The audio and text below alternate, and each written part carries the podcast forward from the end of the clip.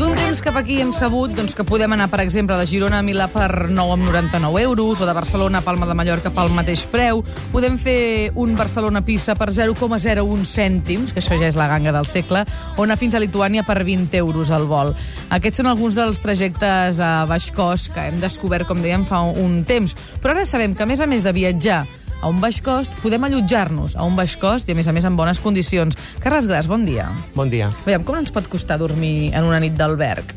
Doncs des dels eh, 15-16 euros a la temporada baixa, una habitació una mica gran, als 24-30 a la temporada més alta, l'habitació més petita i a les millors condicions. Avui hem convidat el Carles Gras, que és gerent de la cadena Equity Point, amb tres albergs a Barcelona i altres a Girona, a Madrid, a Londres, a Marràqueix i un hotel a Lisboa.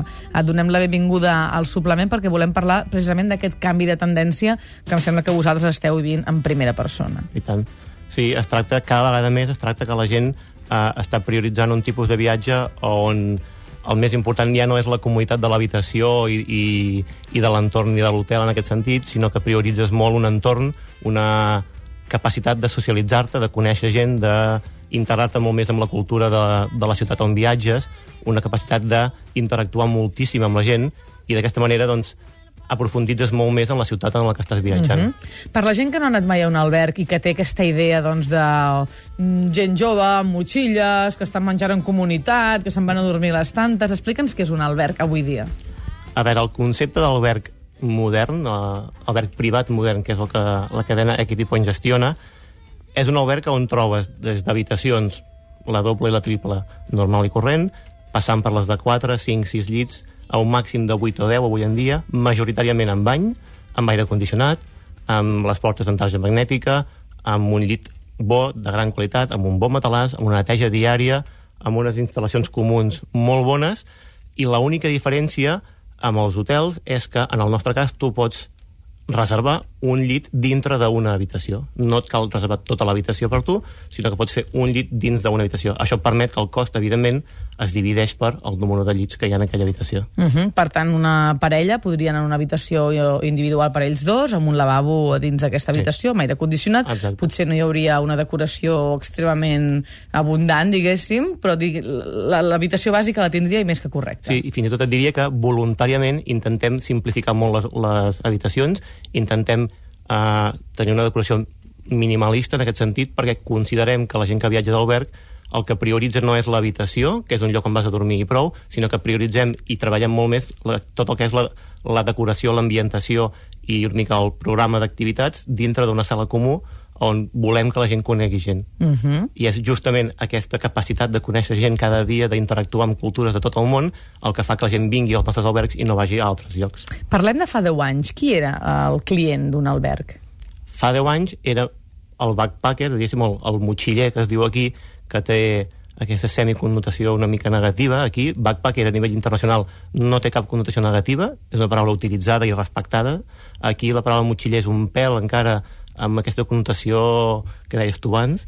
Uh, era bàsicament aquest tipus de client. Hi havia, començava a haver-hi alguna, algun viatger, gent que començava a provar això dels albergs que era, i algun grupet, grups d'escoltes, grups de gent jove que volia viatjar de manera molt econòmica. Uh -huh.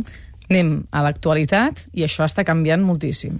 Està canviant molt perquè els albergs també han canviat molt.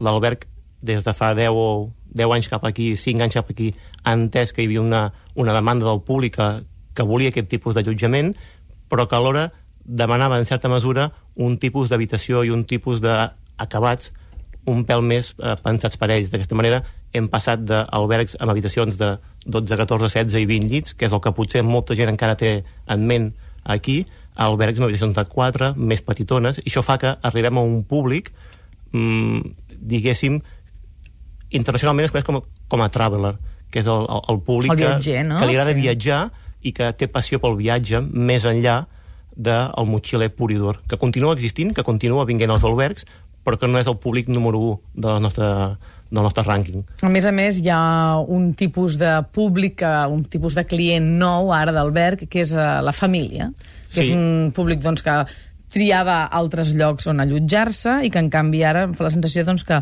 van fer-ho com a solters no? i ara que tenen Exacte. nanos diuen, ostres, està molt bé, han no? crescut aquí?" amb el món dels albergs. És un món que quan, quan el coneixes, si t'agrada viatjar i t'agrada una persona social i t'agrada conèixer gent i interactuar, eh, eh, t'enganxa molt perquè et dona una flexibilitat de d'estada molt bonica. Llavors, tota la gent que fa uns anys enrere va començar a viatjar d'alberg i que li va agradar i que s'ha apassionat, com és el meu cas, ara que estem casats, tenim fills i hem posat seny en teoria, quan viatgem intentem que els nostres fills, de ben petits, vegin, visquin i entenguin aquest fenomen que és viure amb, amb, amb, amb altra gent. És veritat que, a més a més, Catalunya, em, Espanya, també, aquesta, diguéssim, aquesta part europeu és menys alberguista que la part nòrdica, per tradició. Sí, aquí a Catalunya anem una mica endarrere en aquest sentit. Uh, els pioners seria més uh, Austràlia en aquest sentit, que fa molts anys que tenen molt ben assimilat el que és viatjar d'alberg. Els països nòrdics ho tenen molt ben assumit. Aquí fins i tot tenim problemes de legislació en algunes parts d'Espanya. A Catalunya, afortunadament, encara tenim una llei d'albergs, però sí que és cert que la gent d'aquí li costa viatjar d'alberg perquè no ho coneix. És un concepte molt poc conegut encara. Uh -huh. Per tant, en aquest sentit, segurament la crisi econòmica ha fet que molta gent també es desperti, com dèiem abans, no? Si sabem que podem viatjar a baix cost en bones condicions, o com si més no, amb les mateixes condicions que gairebé que amb altres companyies, l'alberg vindria a ser aquesta versió en allotjament? O no us agrada això del low cost? Mm, Perquè t'he vist que estàs arrufant el nas i que em sembla que no li agrada aquesta paraula. No, perquè no és que no m'agradi, és que és cert que hi ha tendència a intentar focalitzar els albergs que hem crescut molt amb el tema del low cost. I sí que és evident, i estaríem mentint, si digués que el low cost no ens ha ajudat. És evident que el low cost ha portat més turistes i, per tant, ens hem beneficiat d'aquest increment brutal de, de viatgers. Però el nostre públic majoritàriament és el backpacker, que dèiem abans, el, el motxiller, i aquest no, no, no, no és un viatger de, de low cost ni que les crisis l'afectin massa. És una persona que viatja durant 6, 8, 10 mesos l'any, amb aquesta mena de, de viatge de formació quan acaba els estudis, que a molts països està implantat i està respectat, i per tant aquesta persona, aquest viatge el farà sí o sí. El farà potser un mes menys, un mes més, però el farà igualment. El traveler, que és la, el viatger pur i dur, eh, el nostre viatger és un viatger molt poc vulnerable a les crisis, molt poc eh, oscil·lant. Crisis, atemptats, eh, conflictes, mm -hmm. emergències. És un públic molt fidel en aquest sentit. Jo m'estava referint més sobretot al, al, al, nou paquet familiar. O sigui, gent que si ho hagués de moure quatre persones, segurament en un altre tipus d'allotjament, mm. igual s'ho pensaria. Però és més un tema de- d'estil de, de viatge. Val. Eh, Jo diria que qui vol anar d'hotel i, no li, i no hi arriba econòmicament, difícilment es planteja anar d'alberg. Són dos públics bastant poc permeables. És cert que probablement eh, els dos extrems de cada un dels sectors, l'extrem de l'alberg i l'extrem de l'hotel, hi ha un punt al mig on si no ho trobes d'alberg te'n vas d'hotel, si no ho trobes d'hotel te'n vas d'alberg. Però la gran majoria de gent, qui vol anar a un hotel i no pot pagar-lo, ni es planteja l'opció d'anar d'alberg. Mm -hmm. Sí que és cert que en tots els albergs eh, hi ha zones comunitàries, com tu deies, que és on són els nuclis de vida mm. i que es fomenten molt les relacions personals i que la gent s'acaba coneixent allà i entren i surten i descobreixen la ciutat eh, de la mà de gent que no coneixia una setmana abans, però evidentment no hi ha cap obligació no, de participar de, de tot plegat. Evidentment, nosaltres a l'alberg eh, hi, ha, hi ha pissarres on la gent, doncs, eh, hi ha gent que arriba i diu demà me'n vaig a Niza o me'n vaig a París, algú s'apunta i si hi ha algú que està sol en aquell moment que diu, oh, doncs mira, doncs a París em faria il·lusió, m'hi apunto. Però, evidentment, qui va amb el seu viatge organitzat, muntat, amb la parella, amb un grup de vuit amics, normalment fas el teu viatge. Vosaltres teniu tres albergs a Barcelona, a més a més situats en llocs privilegiats, una primera línia de mar, l'altra Passeig de Gràcia i l'altra a la zona del Born, per entendre'ns, uh, el de Girona, que també està al cor de, de la ciutat, Madrid, Londres, Marràqueix i Lisboa. Uh el públic d'aquí el domineu molt, i sobretot gent de fora, entenc. Sí.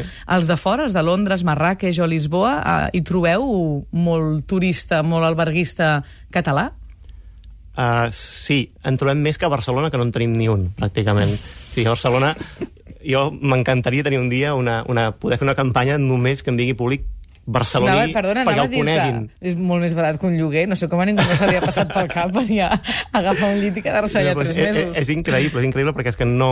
Pràcticament et diria que és, que és 0%, probablement algun dia n'hi ha hagut algun, però no, és absolutament zero. En canvi, sí que és cert que, inclús a Girona, que surt de Barcelona 100 quilòmetres, una hora, i ja tenim una mica de públic català, i ja quan te'n vas a, a, a Marràqueix n'hi ha moltíssim, perquè és una destinació molt coneguda i molt, molt estimada pels catalans, crec, uh, i a Londres i a Lisboa també, per, per proximitat. Ho dic per si tenim una manera diferent de- d'estar dins els albergs i de mirar les ciutats. Jo crec que sí, el públic català encara no coneix massa aquesta alternativa de viatge. Ens fixem molt, jo crec, en la, en la comoditat de l'estada, més uh -huh. que en la ciutat. Uh -huh. I crec que això molt sovint és un error, no diré molt greu, però jo que he, he tingut l'opció de viatjar durant molts anys d'hotel quan no ho coneixia, i ara que conec Albert, sí que perds moltes coses molt boniques del, del públic local, de, de les coses pròpies de cada ciutat, aquests petits matisos que molt sovint l'alberg té més fàcil de donar-te, perquè està molt més interrelacionat amb la, amb la ciutat. Com ara ens explicava en Carles, els alberguistes el que busquen sobretot és una manera de viatjar, una manera de, de conèixer gent, una manera de- d'entendre de, el viatge, fins al punt que em fa la sensació que heu rebut alguna queixa perquè algun dels vostres albergs tenia més privilegis del que al principi s'esperaven, diguéssim. Sí, això fa, a més fa poc, i va ser eh, amb l'Oriol i amb mi, estàvem a, a Marrakech eh, fent una visita i un client es va mig queixar donant a entendre que s'assembla massa a un hotel, això ja va dir. Diu, és que, clar, hi ha massa, massa luxe, no, no hi ha tanta interacció, hi ha molts espais, és molt gran, és molt bonic, i, i dius, bueno, dius, ja, ja és l'últim que podia sentir, no? que, que, que, Que que, tinc massa qualitat de- d'establiment ja, ja sobrepassa els límits, però, però bé, és respectable i evidentment ell bueno, estava enfadat per temes del seu viatge i però sí, avui, No li semblava que- res bé, eh? No li a- semblava a- res bé. arriba el punt que inclús eh, hi, hi ha hagut clients que, que t'ho diuen, que és que el que volen és interactuar, volen trobar les coses fàcils, volen trobar gent, volen interactuar... Uh -huh. És realment una altra concepció que qui no l'ha provat i no l'ha viscut, és, a vegades és complicat d'arribar a fer-se una idea de, de com canvien les coses. Mm, el nivell d'ocupació d'aquest any em sembla que a més a més ha crescut respecte a altres anys. Sí. eh, En quant a ocupació, ha crescut poquet, perquè tenim la sort de que des del mes de març-abril fins al mes de setembre-octubre nosaltres estem amb, amb un ple teòric. Llavors, millorar un ple teòric és Què impossible. vol dir un ple teòric? I pràctic? El ple teòric, a veure, estar plens vol dir estar al 100%. Sí. El, el 100% és pràcticament impossible, perquè vol dir que has de compatibilitzar perfectament la gent que marxa amb la gent que entra. Llavors Clar. això molt sovint és impossible. I quants menys llits tens, més difícil és integrar tot això.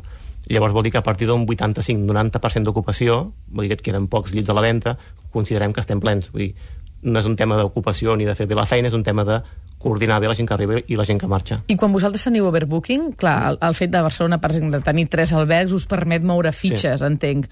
Però a l'alberg que teniu a Madrid, que està allà sol, què feu? Teniu un conveni amb un altre alberg? Pastiu d'anar a moure gent o vosaltres rebre gent d'algun altre alberg? No, intentem uh, filar més prim, intentem aquí, com que en tenim tres, tenim una mica més de, de marge, encara que s'intenta que mai passi. A Madrid, Lisboa, Girona, uh, intentes vigilar més, i si no, entra a l'alberg, sí que és molt habitual trucar-te, i si hi ha un problema, escolta'm, tinc un grupet de tres, si plau i intentes fer tot i més per agafar aquella gent. Com trieu destinació on posar un alberg? Vull dir, per què Lisboa, per què Marrakech, Madrid, i per què no... Mm, no se m'acut una altra ciutat, qualsevol, és igual, Sí. Roma. Roma. Bueno, intentem seguir una mica els, la, la gent que va d'alberg, aquesta gent que, que viatja entre 6, 8 i, i 10 mesos, segueixen uns fluxes, més o menys, de, de ciutats pel- pels que es mouen.